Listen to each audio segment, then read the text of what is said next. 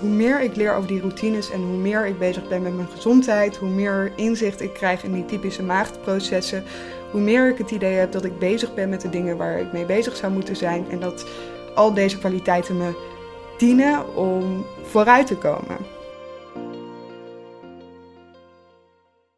Hoi en wat leuk dat je weer luistert naar In de Sterren de podcast. Leuk dat je er weer bent. En vandaag hoop ik in eerste instantie dat het geluid goed gaat zijn. Want ik neem dit op op een vrijdagmiddag in de vakantieperiode. En nou ja, ik woon in Amsterdam in een vrij drukke buurt. Dus uh, dan word je vaak onderbroken door of de, uh, de buurman die groenteman is en allerlei gesprekken staat te voeren hier direct beneden.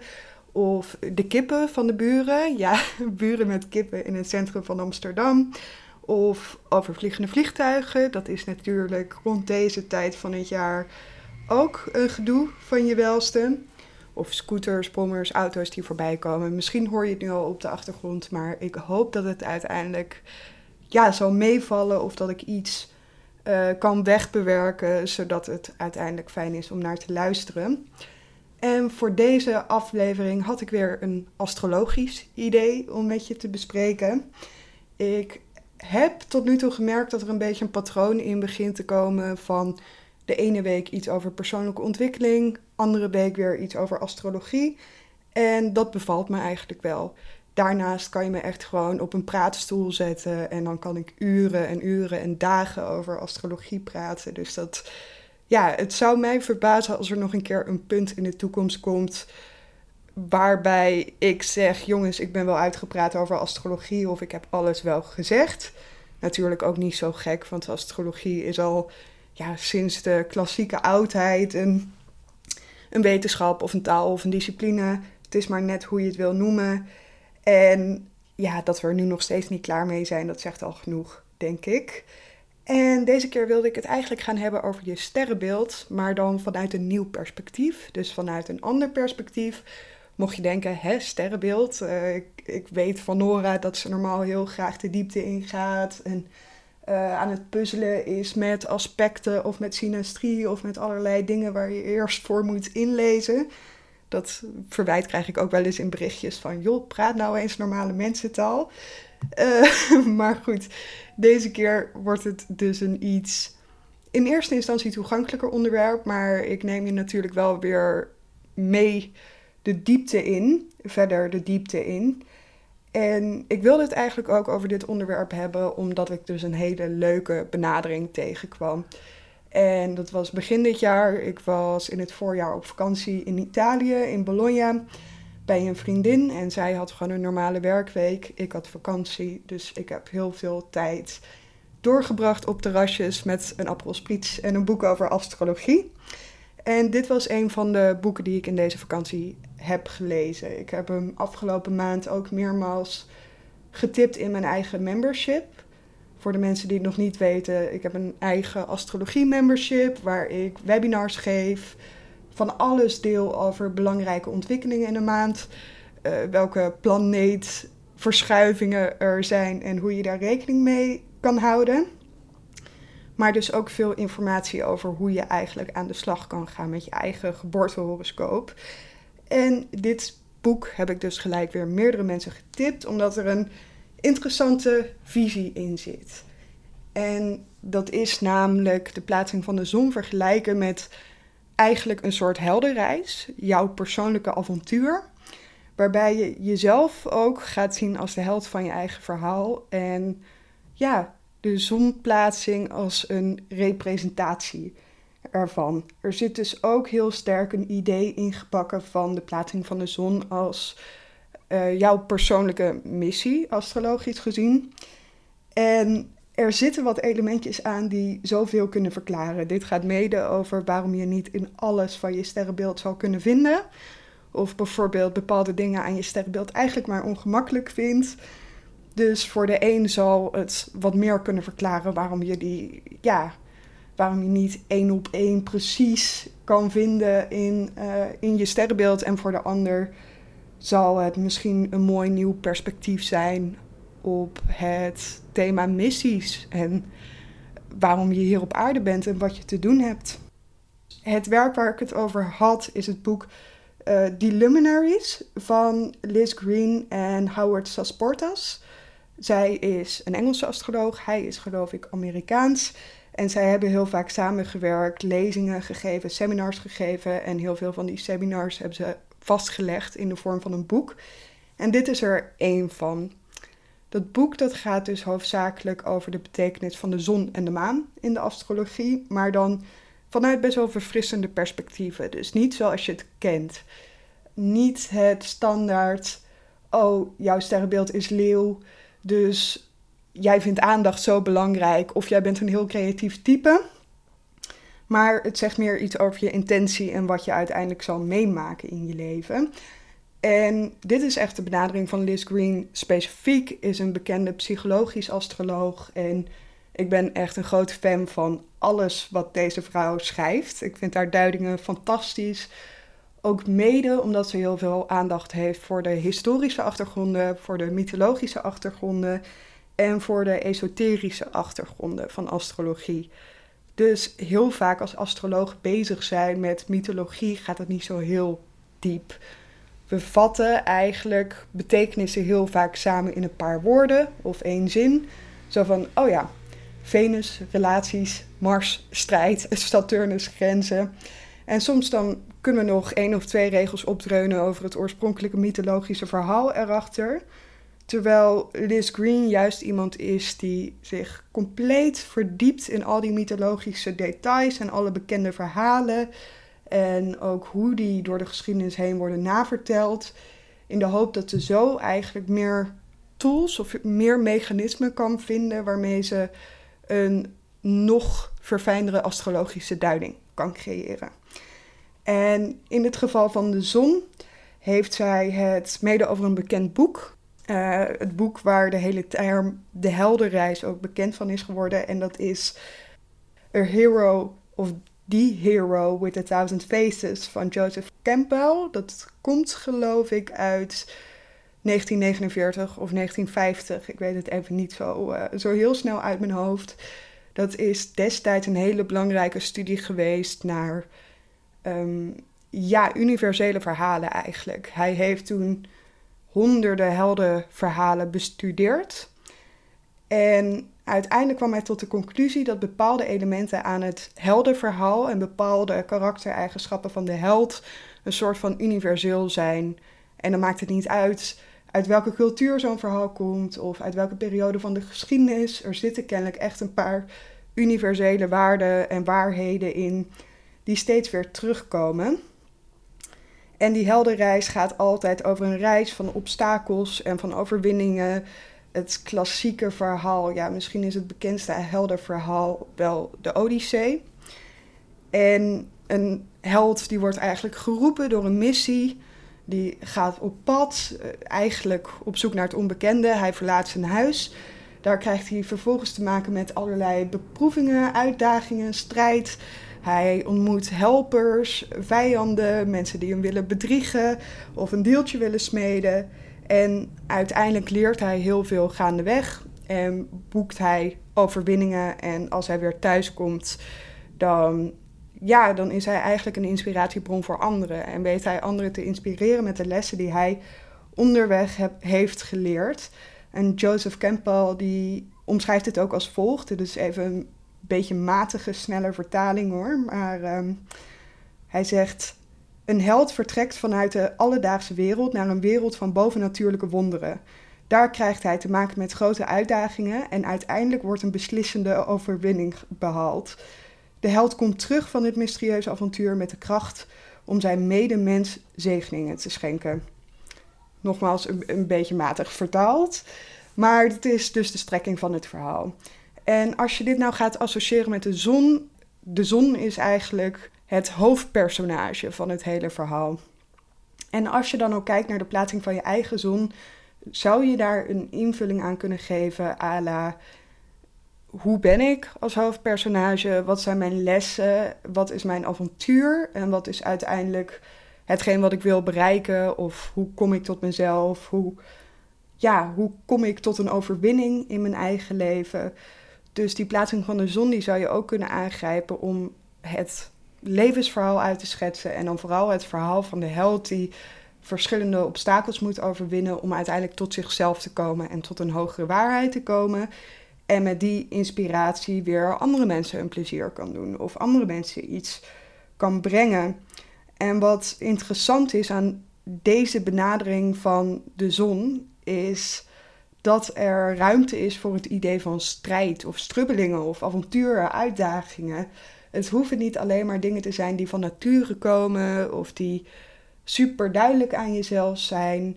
En als je vanuit deze lens dus ook gaat kijken naar de plaatsing van de zon, je, je sterrenbeeld, in welk teken de zon stond bij geboorte en in welk huis de zon stond bij geboorte, dan krijg je dus een ander, ja, een ander plaatje. Dan zie je misschien dat het meer gaat om een missie dan om alleen maar, kijk, dit is precies jouw karakter en zo ben je nu eenmaal geboren.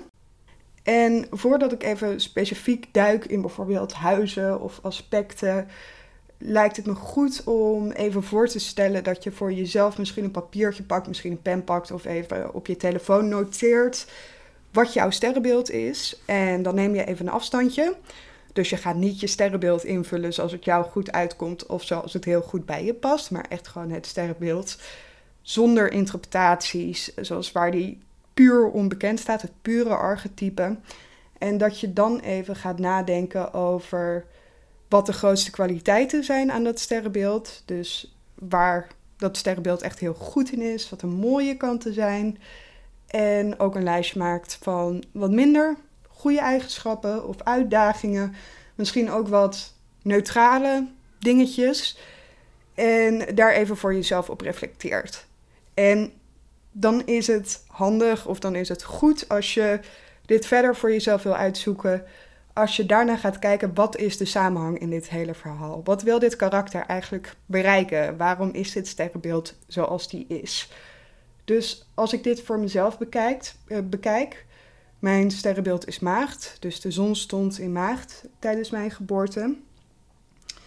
Dan zou ik kunnen zeggen dat het teken maagd heel behulpzaam is en empathisch is. En nederig is, vaak bereid is om te helpen zonder daar de credits voor op te, ja, op te willen steken of op willen strijken. Verder is het ook een perfectionistisch teken. Nou, dat heeft voordelen, nadelen. Heel hardwerkend kan een voordeel zijn, kan ook een nadeel zijn, omdat maagden zich wel eens over de kop werken.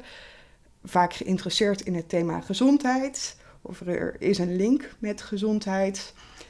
En maagden die zijn altijd aan het verbeteren. Soms is dat heel fijn, zijn het je ideale adviseurs. Maar soms is het ook onhandig of heeft niemand eigenlijk om een advies gevraagd, maar komt de maagd alsnog de les lezen of de boel verbeteren. Als ik daarover nadenk, en dit is sowieso iets wat algemeen wordt aangenomen hoor, dat, uh, het is niet iets wat ik nu per se uit mijn mouw schud, maar wat de essentie is van het teken maagd, of de missie is van het teken maagd, is dat ze wil verbeteren. Dus ze ziet hoe dingen zijn, ze ziet de schoonheid daar ook al van, in, maar ze wil het van A naar B brengen. Dus nog mooier maken, nog beter maken, nog tactischer maken. Daar gebruikt ze ook haar analytisch vermogen heel scherp voor. En dat doet ze eigenlijk op een ja, best wel nederige manier, zonder dat het om haar hoeft te draaien. Ze stelt zichzelf eerder ten dienste van het proces en ten dienste van de wereld als algeheel verder brengen. En in het geval van maagd gaat dat heel erg om het optimaliseren van systemen of het verder ontwikkelen of perfectioneren van ideeën die er al zijn. Dat zorgt er ook voor dat ik heel veel astrologen en coaches ken die bijvoorbeeld maagd zijn. Als maagd ben je over het algemeen, hè? misschien heeft niet iedereen dit, maar wat ik een leuke kwaliteit vind aan het teken maagd is dat we over het algemeen heel goed zijn in potentie in iemand spotten. En diegene ziet dat misschien niet altijd zelf. Maar een maag die zegt dan van ja, alleen hier in de details doe je nog iets fout. Of hiermee loop je jezelf te beperken.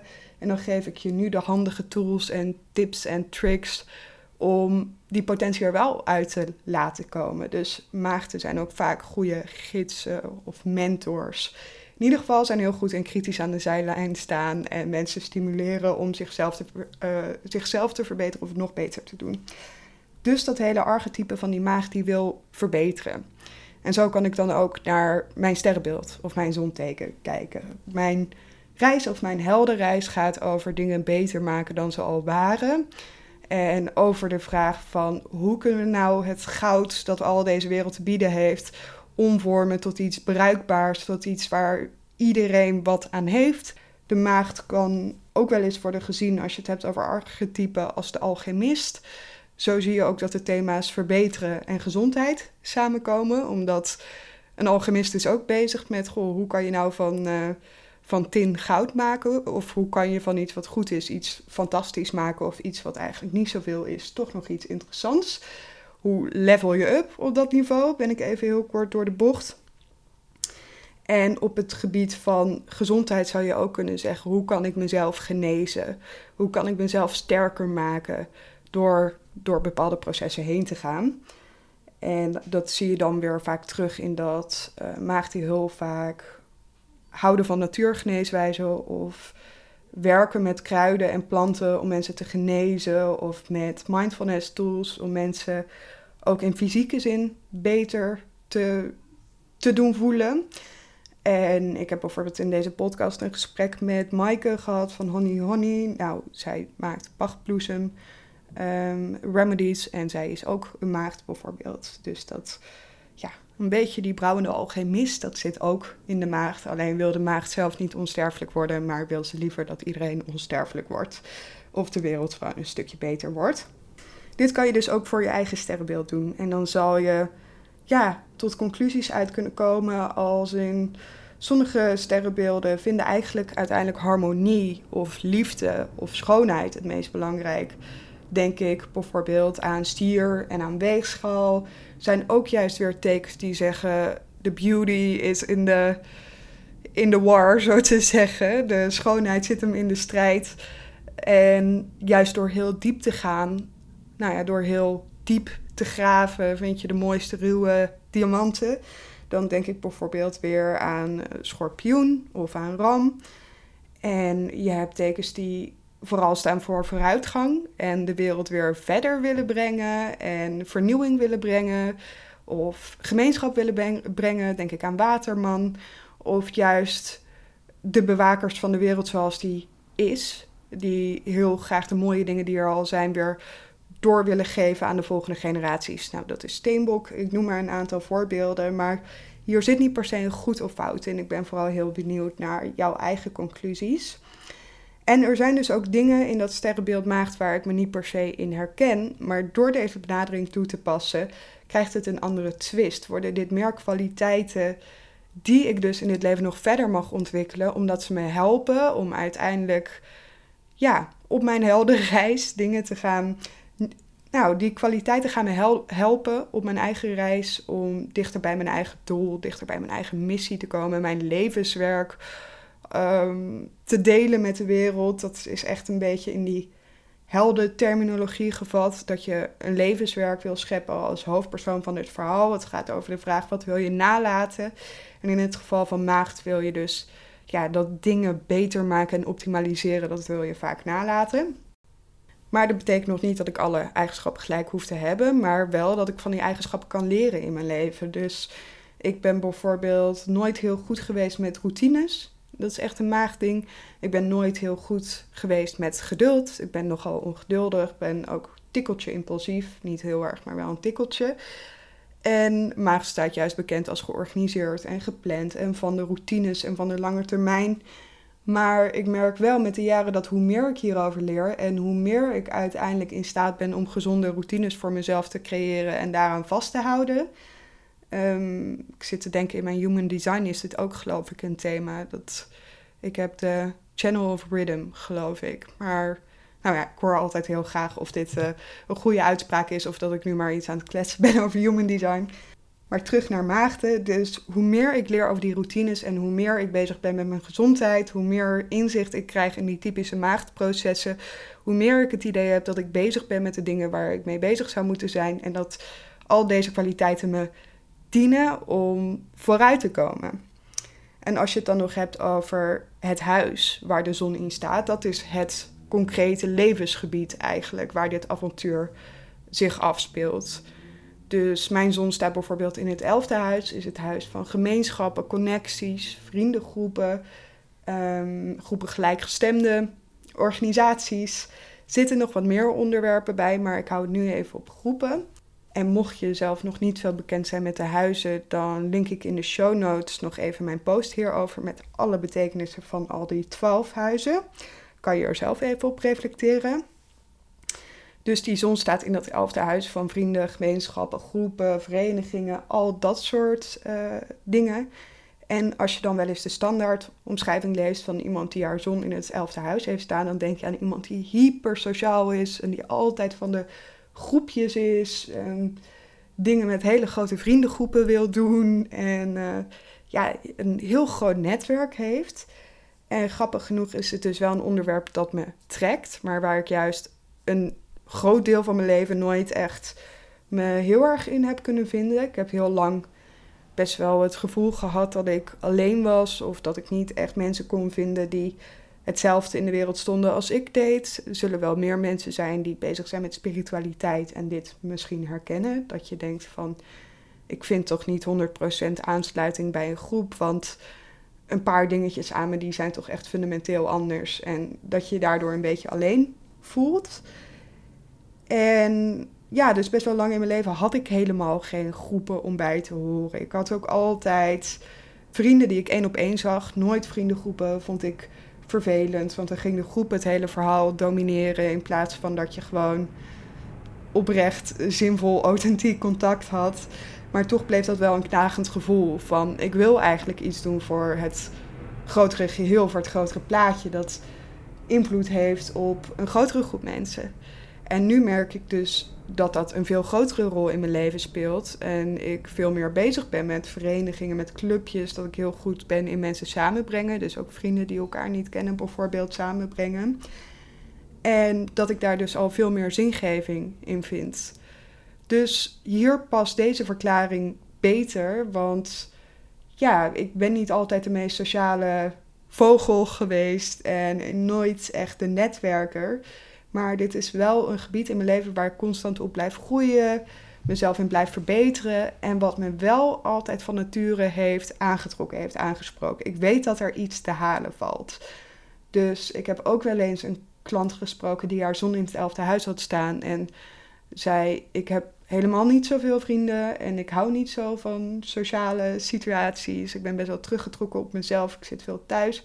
Maar uit dat gesprek bleek toch wel dat dat een soort vraagteken bleek, bleef zijn dat boven haar hoofd hing. Dat ze toch heel vaak met de vraag speelde: moet ik dit niet meer doen? Of misschien kan ik het toch nog een kans geven. Of misschien als ik deze persoon ontmoet, dat ik toch meer iets met een groep kan doen.